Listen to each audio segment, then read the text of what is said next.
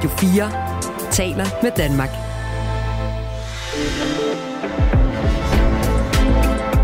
Velkommen til Mandat. I dag med Stine Lynghardt.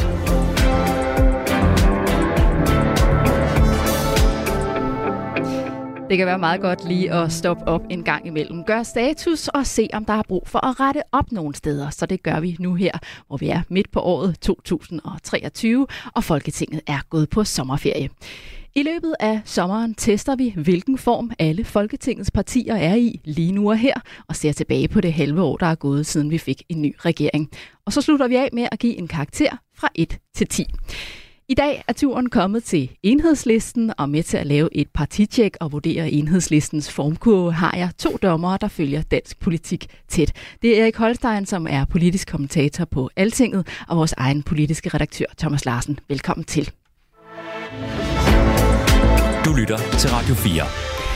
Og øh, først vil jeg gerne bede jer to om at vælge et ord, der bedst beskriver enhedslisten lige nu. Erik Holstein, hvad er det første ord, du kommer til at tænke på? Jeg vil nok vælge ordet genopbygning. Genopbygning? Mm. Ja, Thomas Larsen. Jeg vil sige vadested. Vadested. Ja. To øh, gode ord, forskellige. Erik Holstein, øh, hvorfor peger du på genopbygning? De fik jo virkelig en losing ved folketingsvalget. Et, øh, et ret stort valgnederlag, hvor de mistede sådan hver fjerde stemme, og meget overraskende for dem selv, og også ret chokerende for dem selv, at, at øh, det gik så galt. Men så synes jeg så, at de øh, har fået samlet stumperne, kommet meget godt øh, igen, fået en, at de har en meget stærk folketingsgruppe i sig, hvis man kigger på den. Øhm, så jeg synes, at de er ikke et, et af de partier, der, der ligesom har fortsat nedturen efter øh, losingen ved folketingsvalget. Det ser man jo tit, at partier, der får en ordentlig basker ved et valg, jamen så bliver det ved at gå ned. Det så man ved Dansk Folkeparti efter det forrige valg, for eksempel. Men er det ikke med enhedslisten. De begyndte at gå sådan langsomt op igen, øh, stabilisere sig på et øh, nogenlunde fornuftigt niveau, som de plejer at ligge på. Thomas Larsen, du sagde Vedested. Ja, det er rigtigt. Hvorfor det? Øhm, jeg, jeg er grundlæggende øh, enig med, med Erik i, at, øh, at de øh, har fået stabiliseret situationen efter det her meget, meget skuffende valgresultat, altså hvor de faktisk var nede øh, på, på 5,1 procent. Og mm. det er altså det er ikke godt, når man kigger på, på partiets øh, normale evne til at føre øh, valgkamp. Øhm, og, øh, og, og på, på en måde kan man sige, som, som også Erik var inde på, at, øh, at nu er de ved at få samling på, øh, på, på tropperne. Men når jeg siger vadested, så er det jo faktisk, fordi de er meget tæt på at skulle reorganisere for alvor, nemlig på ledelsesposten. Og øh, det er jo virkelig interessant, fordi øh, der er jo sket det, at, øh, at øh, Maja Villersen øh, falder jo simpelthen for de her interne rotationsregler, øh, de har, og det vil sige, at hun kan ikke stå i spidsen for partiet ved, ved næste valgkamp, og yderligere, og det er jo en lykkelig begivenhed, så venter hun barn og skal på, øh, på barselsoverlov på et tidspunkt. Og i den situation, der vil det være ret mærkeligt. Altså hvis hun går på barsel, og så vender tilbage til, leder, øh, som til lederposten, og så skal man i gang med sådan et ret abrupt ledelsesskifte øh, på det tidspunkt. Så det jeg egentlig øh, prøver at sige her, øh, Stine, det er, at der er et øh, ledelsesskifte på vej, og det er nok tættere på, end de fleste går og, og, og, og tænker på, og derfor så står de netop i det her vadested og venter på, hvem der skal være den nye øh, leder for partiet. Jeg tror, at man må sige, at, at altså det, altså alt tyder på, at, at der kommer en ledelseskifte inden Folketingets åbning her næste gang. Altså det, det, det skal på plads øh, inden længe det der. Også fordi hun rent praktisk venter barn til efteråret, Ja, ja, så, præcis. så på den måde er der i hvert fald øh, den li- deadline. Og sådan kom vi i gang med dette partitjek af enhedslisten. Jeg skal lige sige, at det her program er optaget før sommerferien. Inden vi går videre til næste runde, så får I lige et stykke papir hver især, for jeg har en opgave til jer. På det papir skal I skrive et navn. Det er navnet på den person, som I mener kommer til at tage over, når Maja Villersen på et tidspunkt ikke længere skal være politisk ordfører. Som vi lige var inde på, så går hun jo til, på barsel allerede til efteråret, så der er ikke så lang tid til, at der i hvert fald i første omgang skal findes en vikar til posten. Men hvem er enhedslistens kronprinsesse eller kronprins? Det vil jeg gerne bede jer om at skrive på papiret, og I må selvfølgelig ikke vise hinanden, hvad I har skrevet. Har I noteret et navn? I sidder og smiler derovre. Det, det hele er noteret. Mm. Og hvad med dig, Erik? Sidder du derovre og grubler eller hvad? Nej, nej, det er fint. Den er, på Den er plads. skrevet ned. Mm. Godt. Vi afslører, hvem I hver især peger på lidt senere i programmet. Du lytter til Mandat på Radio 4. Vi skal se nærmere på den sæson, der er gået, siden vi for otte måneder siden havde et folketingsvalg og halvanden, må- halvanden måned derefter fik en ny SVM-regering. Erik Holstein, hvad har det været for en periode for enhedslisten? Jamen, der har været sådan en helt ny verden, de skulle orientere sig i. Altså, man skal tænke på, at øh, i sidste periode, der var de jo et ret øh, vigtigt støtteparti for Mette Frederiksens øh, regering. Øhm, og, og altså, det var en, en situation, hvor enhedslisten faktisk havde et udmærket samarbejde med den socialdemokratiske etpartiregering på rigtig mange punkter.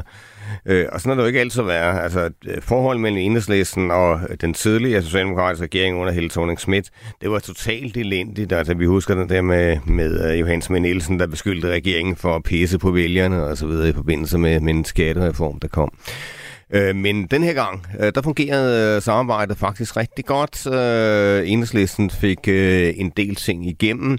Øh, man følte, at man var sådan på linje med Mette Frederiksen på en række områder. Øh, hun havde anlagt sådan en, en venstre-socialdemokratisk linje i den økonomiske politik, der lå fint til Enhedslisten. Øh, kampen mod ulighed og den slags der. Øh, man samarbejdede konkret øh, lige før valget om et huslejestof. Man lavede et indgreb mod øh, Blackstone for eksempel, øh, også på boligmarkedet. Sådan øh, klassiske mærkesager for, på enhedslisten. Plus altså, man fik øh, det der 70% mål øh, på, på klimaområdet med, med, med CO2-reduktioner i 2030. Så øh, på rigtig mange områder, øh, der fik enhedslisten indflydelse. Så var der udlændingepolitikken, hvor man var øh, meget uenig i den linje, som øh, Mette Frederiksen kørte, hvor hun jo kørte en, en rigtig stram udlændingepolitik.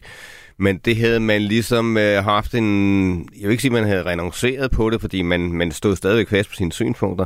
Men man havde sådan en pragmatisk indstilling. Man anerkendte, at der var sådan et stort flertal i befolkningen, et stort flertal i Folketinget for en stram udlændingepolitik. Øh, og derfor var det ikke sådan, at man ville vælte regeringen på det område, som man var uenig der. Så man koncentrerede sig om de områder, hvor man virkelig kunne få noget igennem på, på klima og, og på, på ulighed, den økonomiske politik, øh, og fik et frugtbart samarbejde med, med den tidligere regering der. Det var situationen indtil valget, og der er det jo så drastisk ændret efter valget, hvor enhedslisten rent parlamentarisk er blevet sat øh, uden for indflydelse. Og, øh, og man bekæmper jo med næb og klør øh, den her regering, der er kommet. Man kan sige, at den regering, der er der nu, øh, ligger jo selvfølgelig rigtig, rigtig dårligt til enhedslisten, fordi øh, på den ene side har man ikke nogen indflydelse, på den anden side er det også det er ikke så let at mobilisere mod denne her regering øh, som udgangspunkt, hvis det havde været en ren borgerlig regering. Der kunne man måske øh, mobilisere bedre i fagbevægelsen.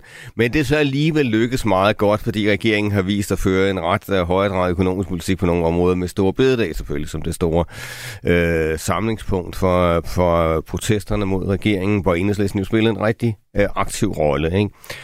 Øh, man har også været aktiv i forhold til diskussionen om, om seniorpensionen, hvor, hvor man har været med til at lægge et pres på regeringen, som betyder, at man jo øh, det er uklart, om man hele tiden gennemfører noget på det område der. Ikke? Øh, så øh, Enhedslisten har, har befundet sig i en helt ny situation, som man, man skulle sådan, som reorientere altså, men, men, men det så lykkes efterhånden, synes jeg, at man har fået lagt en, en, en okay skarp oppositionslinje.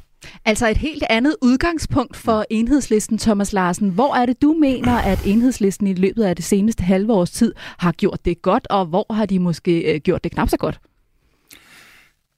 Jamen, jeg er grundlæggende enig i, at de virkelig har skulle øh, finde deres øh, ben, og man skal heller ikke øh, undervurdere den massive skuffelse, der var i enhedslisten mm. over at blive altså, hældt ud, sådan som øh, Mette Frederiksen jo gjorde det ved, ved valget, fordi der er ingen tvivl om, hvis man ser på enhedslistens strateger, hvis man ser på Maj Villassen, så havde de jo håbet på, at man kunne altså, fortsætte det gode samarbejde med, med primært mm. SF og, og Socialdemokratiet, øh, fordi som også Erik var inde på, øh, det var jo på mange måder en, en guldalder for enhedslisten, altså i den seneste øh, regeringsperiode, fordi de aldrig nogensinde har haft mere indflydelse, end de havde der på mm. praktisk politik, og især på den grønne øh, politik. Og derfor var det virkelig en hård landing for partiet så at stå øh, uden, for det, uden for det hele. Øhm, man kan sige, de har jo, de har fået nogle, nogle, nogle, nogle sager forærende af regeringen, som så har gjort øh, overgangen nemmere. Uh, og der er ingen tvivl om, at det, at de med det samme kunne mobilisere alt deres kraft uh, mod, at, uh, mod regeringens ønske om at afskaffe Store Bededag som, som helligdag, altså det var virkelig noget, der skabte kampgejst i, i partiet, og, og det gjorde også, at partiet, ligesom SF jo, kunne altså appellere til hele centrum-venstre, uh, kunne komme i tæt kontakt med store dele af fagbevægelsen, ikke? Uh, og på den måde virkelig fik et, et uh, ståsted. Jeg synes, det der er, er interessant, hvis man skal se på, hvor enhedslisten står øh, lige nu, så er det jo rigtigt, at de på den ene side øh, sejler hårdt op mod regeringen, og også øh, holder fast i sådan en rimelig stålsat øh, oppositionslinje over for regeringen. Men jeg synes samtidig også, og det synes jeg er klogt, at de holder også fast i ligesom det konstruktive, at de gerne vil søge øh, ansvaret ikke? Og, og, og samarbejdet, og de forsøger helt tydeligt også, sådan som jeg ser det, at holde en balancegang i forhold til navnlig SF og Pia Olsen Dyr, der jo hele tiden bliver ved med ligesom at åbne døren for, at Socialdemokratiet kan komme tilbage til et, et rødt samarbejde, kan vi kalde det. Ikke? Så det der balancepunkt, det prøver de også at holde. Og Erik Holstein, hvis vi ligesom skal konkludere på det her halve år siden øh, valget, lidt mere end et halvt år siden valget, er enhedslisten så kommet styrket eller svækket igennem den periode? Hvis du sammenligner med situationen lige efter valget, så står de jo klart stærkere i dag. Det er der overhovedet ingen tvivl om. Altså, de har fået, fået samling på tropperne igen. Øh, og så, som nævnt, så, så har de sådan set en meget god øh, folketingsgruppe. Den blev så reduceret. Øh, der var nogle stykker ud, men, men dem, de har tilbage, øh, er faktisk ret stærke. Nogle af dem, vi kan måske gå ind på nogle af profilerne øh, senere, ikke? men altså klart... Øh, øh Peter Dragsted, øh, Victoria Valaske, Søren Søndergaard, for eksempel, det er nogle af dem. Øh, altså nogle folk, der kan nogle forskellige ting også. Øh, så øh, de øh, har formået at markere sig ganske godt, og så nu var jeg ved deres årsmøde der for, hvad er det, en, en 3-4 uger siden og sådan noget efterhånden. Øh, og der var også, øh, der var egentlig en udmærket stemning der. Det var ikke sådan, at, at, selvfølgelig var man skuffet over valgnederlaget, men, men det var ikke sådan, at, at, at man var sådan fuldstændig mistrøstig og, og, og, og, og opgivende over for det hele. Øhm, så øh, altså, øh, jeg synes, man, man sådan har fået defineret en sådan rimelig klar vej frem for sig selv. Øh, så er der dele af deres strategi, jeg måske nok kan være øh, lidt skeptisk overfor. Øh, for eksempel, nu nævner du, Thomas, det der med, med balancen i forhold til SF. Altså specielt Pelle Dragsted kører meget på, at man skal have sådan en, en samlet blok af, af enhedslisten, SF og Alternativet. Øh, og det tror jeg ikke, han får meget ud af, fordi de andre vil ikke være med til Thomas Larsen?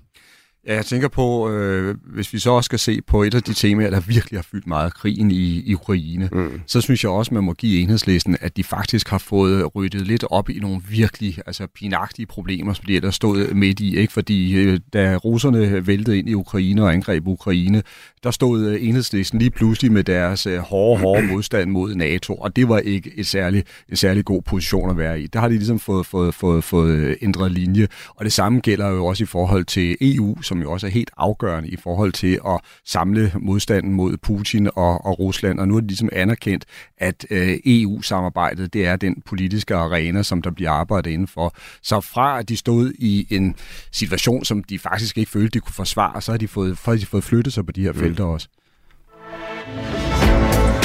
Du lytter til Radio 4. Og det her er mandat, hvor vi hen over sommeren tester alle Folketingets partier for at se, hvilken form de er i lige nu. I dag er det enhedslisten, vi koncentrerer os om, og vores to dommere er Erik Holstein, politisk kommentator på Altinget, og Thomas Larsen, politisk redaktør her på Radio 4, og jeg hedder Stine Lynghardt. Nu skal vi tale om, hvilken form enhedslistens politiske ordfører er i. Kære årsmøde, kære venner, hvor er det dejligt at se jer igen. Jeg beklager, hvis jeg bliver lidt forpustet undervejs. Som de fleste af jer nok ved, så er jeg gravid. Eller som regeringen vil sige, i gang med at øge arbejdsudbuddet. Ja, jeg kan nærmest allerede mærke, at de ser mere positivt på mig i Finansministeriet for tiden.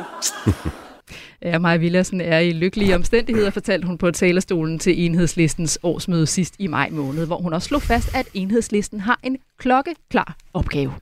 Siden vi så hinanden sidst, så har Danmark fået en ny regering. En regering, som giver de rigeste skattelettelser og skærer på hjælpen til de mest udsatte. Som vil lade velfærden falde fra hinanden, selvom velstanden vokser. Som lader store virksomheder tjene penge på at forurene, mens klimaforandringerne bulrer afsted. Ikke overraskende er det en skidt cocktail at mixe den udgave af Socialdemokratiet, vi lærte at kende i Koridondane, med Lars Løkke Rasmussen. For at bruge regeringens egen ordbog, så kunne man måske kalde blandingen for Corridon Plus. Der er i hvert fald nok at tage fat på, og opgaven for os i enhedslisten er klokke klar. Danmark har brug for en stærk venstreopposition.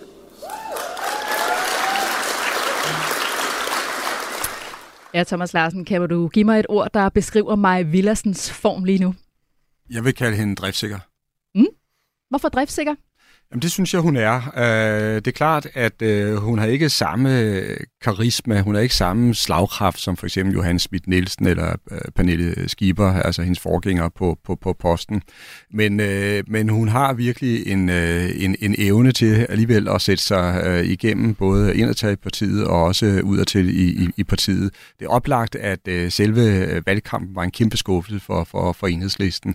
Og, øh, og der kan man selvfølgelig også kritisere hende for, at et eller andet sted, så det her elendige resultat, de fik, det er altså på hendes kappe, øh, kan man sige. Men jeg synes, det hører med til historien om øh, Maja Villadsens øh, tid som leder i enhedslisten, at hun netop også har stået over for nogle meget store, svære udfordringer internt, altså ikke mindst fordi partiet jo på et tidspunkt var helt forkert placeret i sikkerhedspolitikken, EU-politikken, og der var det jo altså hendes, øh, undskyld udtrykke, forbandet svære opgave at, at, at prøve at få altså partiet til at ændre position og, og få hele partiet øh, med, vel at mærke. Og der var faktisk på et tidspunkt, hvor det troede med sådan at eksplodere øh, internt i nogle meget hårde øh, stridigheder mellem, man kan sige, fornyerne ikke, og så traditionalisterne. Og der har hun alligevel, øh, også selvom hun er, er, er meget ung på posten, altså haft den her evne til sådan at, at, at få det, og det, få det øh, nørklet på, på plads, uden at det eksploderede. Det er faktisk ret dygtigt håndværk. Erik Holstein, hvilket ord vil du beskrive Maja Villersen med? Jamen, det ligger tæt op øh, af det. Altså, jeg, jeg har valgt ordet stabil, fordi jeg, jeg mener også, at øh, hun øh, kører udmærket igennem, øh, uden egentlig at lave fejl. Øh, hun har øh, altså et godt overblik over stoffet. Hun, det er ikke sådan, man kan tage hende på det forkerte ben, og så ved hun ikke, hvad hun snakker om. Eller sådan noget. Og jeg er også helt enig i, at, at øh, altså specielt i forhold til diskussionen der sidste forår øh, omkring NATO og Ukraine og så videre, der, der fik hun, var hun med til at få landet det på en måde, så øh, men kom på en position, man kunne forsvare, uden at partiet blev splittet af den grund. Og det, det, var, det var faktisk ikke givet, at det kunne lykkes. Altså det, det var en, en rigtig stor krise for partiet, der, der, der potentielt kunne øh, have ført til en alvorlig partisplittelse. Men det, det fik hun øh, øh sammen med en række andre landet.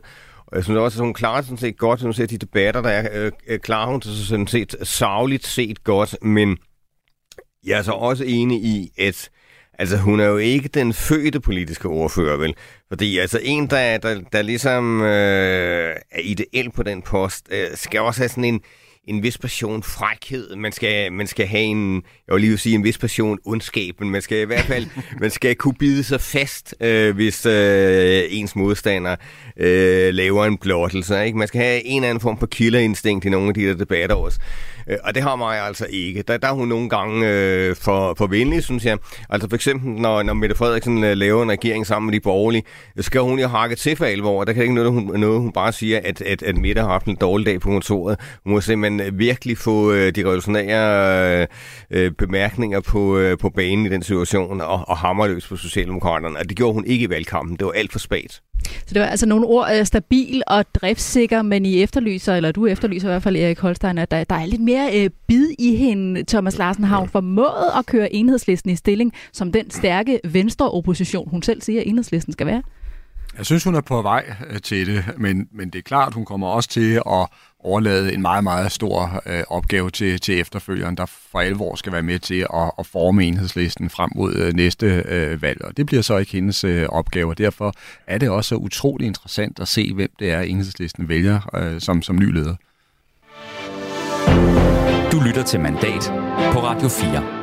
Jamen øh, lad os da se, om vi ikke lige kan komme lidt nærmere ind på det, fordi vi skal lige runde nogle af de andre profiler i enhedslisten. Erik Holstein, hvem øh, har gjort sig særligt bemærket i øh, enhedslisten? Ja, altså man tager øh, folk fra gruppen i øvrigt. Øh, det, det er klart, det navn, der først og fremmest øh, springer øjnene, det er selvfølgelig Pelle Dragsted, som jo formåede at være øh, en af de aller, allermest synlige i enhedslisten selv en periode, hvor han ikke sad i Folketinget. Fordi Pelle er rigtig god til at tage øh, også nogle bredere idédebatter.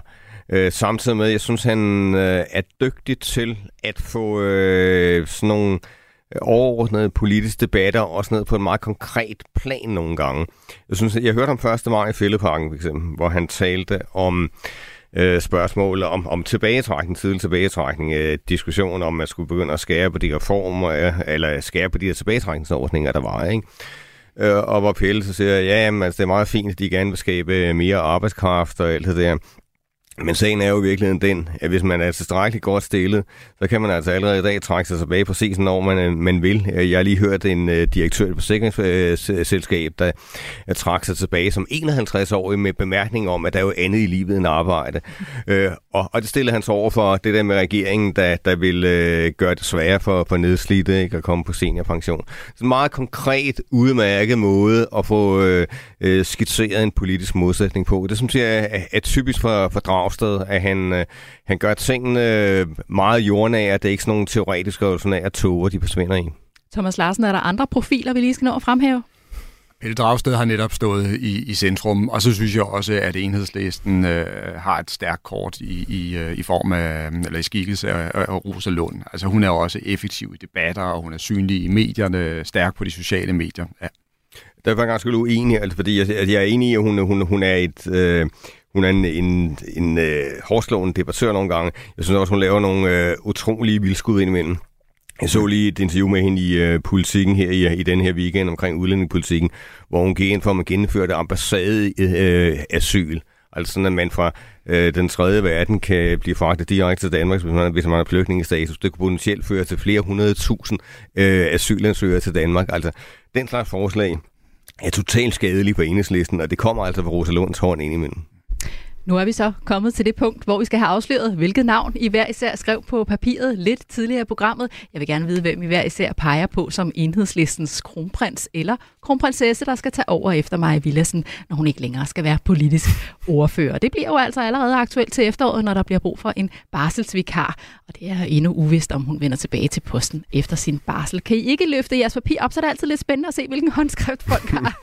ja, det kommer en kæmpe overraskelse. Ja, meget overraskende. Pelle Dragsted på dem begge to. Hvorfor er det så klokkeklart, Thomas Larsen?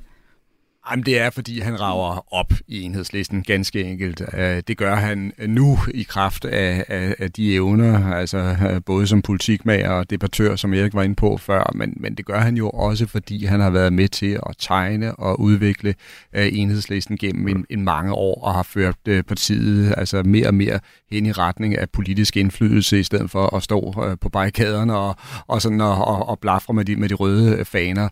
Uh, og han har også en, en kæmpe autoritet uh, internt, så jeg vil godt altså, sige det på den måde. Jeg vil blive meget overrasket, hvis det ikke er ham, der er som leder. Vil Pelle Dragsted være en uh, god politisk ordfører for enhedslisten, Erik Holstein? Ja, det er jeg helt sikker på. Altså, han, han har de evner, der skal til for at slå igennem uh, i debatter. Øhm, og øh, han, jeg mener også, han har sådan, altså han lægger et, øh, sådan et øh, resonabelt øh, politisk snit for enhedslisten, hvor øh, der er den fornødende skarphed, øh, men altså uden at man øh, ryger ud i et land, hvor man øh, mister størstedelen af befolkningen.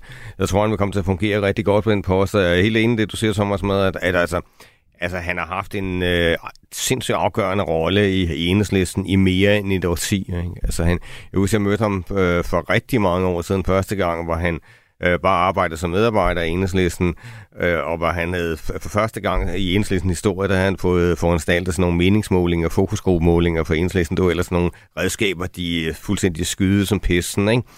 Men og der havde han identificeret, hvis de ligesom øh, kommunikerede på en rette måde, der havde de måske et potentiale på op til 10 procent, og der lød fuldstændig urealistisk på det tidspunkt. Men det har jo så vist sig sidenhen, at der har faktisk været målinger, hvor de har ligget på 10 procent.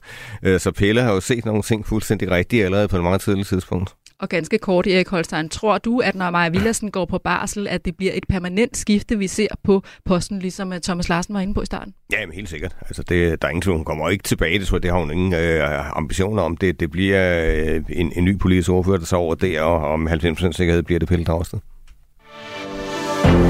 Du lytter til Mandat på Radio 4. Skal også lige øh, tale om, hvad der venter enhedslisten i den kommende sæson. Det er jo altid den første tirsdag i oktober, at Folketinget åbner, og en ny politisk sæson skydes i gang. Thomas Larsen, hvad bliver afgørende for enhedslisten i den sæson? Jamen, jeg tror, de kan få nogle ret gode platforme at stå på, og det bliver sådan nogle øh, platforme, hvor de kan gå til angreb på regeringen, fordi hvis øh, regeringen vidderlig altså begynder at pille ved nogle af de her tilbagetrækningsordninger, det er så uklart, skal det siges, fordi altså, jeg tror godt, at det er ved at gå op for Socialdemokratiet, at det kan blive livsfarligt for mm. dem, men hvis de, hvis de rent faktisk holder fast i deres reformplaner på det her område, så får altså enhedslisten en fantastisk talerstol som et parti, der kan stå og hamre imod det her, og, og hamre mod regeringspartierne. Og så tror jeg faktisk også, at øh, enhedslisten kan få nogle ret gode muligheder i forhold til hele debatten om, om skat. Fordi hvis man følger med mm. i, hvad der sker internt i regeringen lige nu, så er det jo helt tydeligt, at især Venstre og Moderaterne, de begynder virkelig at skubbe på for, at der skal laves skattereformer, der skal give skattelettelser. Og det tror jeg, at enhedslisten vil bruge til at angribe regeringen for at sige, at det er helt forkert. De penge, som der er i dansk økonomi, den gode danske økonomi, de skal bruges til at investeres i velfærd. Du lytter til Radio 4. Nu har vi øh, været hele vores liste igennem til dette partitjek af enhedslisten. Så nu skal vi jo frem til vores konklusion, Erik Holstein, på en skala fra 1 til 10. Hvordan er kampformen på enhedslisten lige nu midt i 2023? Ja, aktuelt, så et halvt år efter det der elendige valg, så vil jeg faktisk give dem uh, sådan et syvtal på en skala fra 1 til 10. Et syvtal? Ja. Hvad med dig, Thomas Larsen? Lige over middel, jeg giver 6. Du giver 6, du er lige lidt under. Hvorfor lægger du dig lige lidt under, Erik Holstein? Jamen, det er fordi, de jo stadigvæk skal have bygget partiet øh, op. Jeg er helt med på, at de er i en genopbygningsfase, men vi mangler for alvor at se øh, resultaterne, og så mangler vi selvfølgelig også at se, hvad der sker, når en, øh, når en ny leder kommer til. Det bliver simpelthen et virkelig afgørende kapitel for enhedslisten, der går i gang her meget snart. Og Erik Holstein, hvorfor var det øh, syv, du landede på? Ja, fordi jeg synes, de øh, er kommet så ganske godt, øh, og de, de står sådan rimelig samlet i partiet, og, og så har de som sagt altså en, en ret stærk folketingsgruppe, som øh, øh, dækker forskellige øh, spektre. Så jeg synes, at øh, øh, det ser fornuftigt ud for den, som det er lige nu. Jamen det blev altså med karakteren 7 og 6, at vi kan sætte to fede streger under dette partitjek af enhedslisten her i Mandat. Tak fordi du lyttede med, og tak til jer her i studiet. Erik Holstein, politisk kommentator på Altinget, og Radio 4's politiske redaktør Thomas Larsen. Hvis du gerne vil høre, hvilke karakterer de andre partier i Folketinget lander på, så er det bare med at lytte med på Radio 4 i løbet af sommeren, og du kan selvfølgelig også finde dem som podcast i Radio 4's app, eller der, hvor du plejer at finde dine podcaster. Og hvis du slet ikke kan få nok af dansk politik, så kan du gå på opdagelse i Radio 4's app. Der er både eksperimentet på midten, det røde og det blå hjørne, og alle tidligere udgaver af Mandat. Så der er masser at lytte til hen over sommeren. Radio 4 taler med Danmark.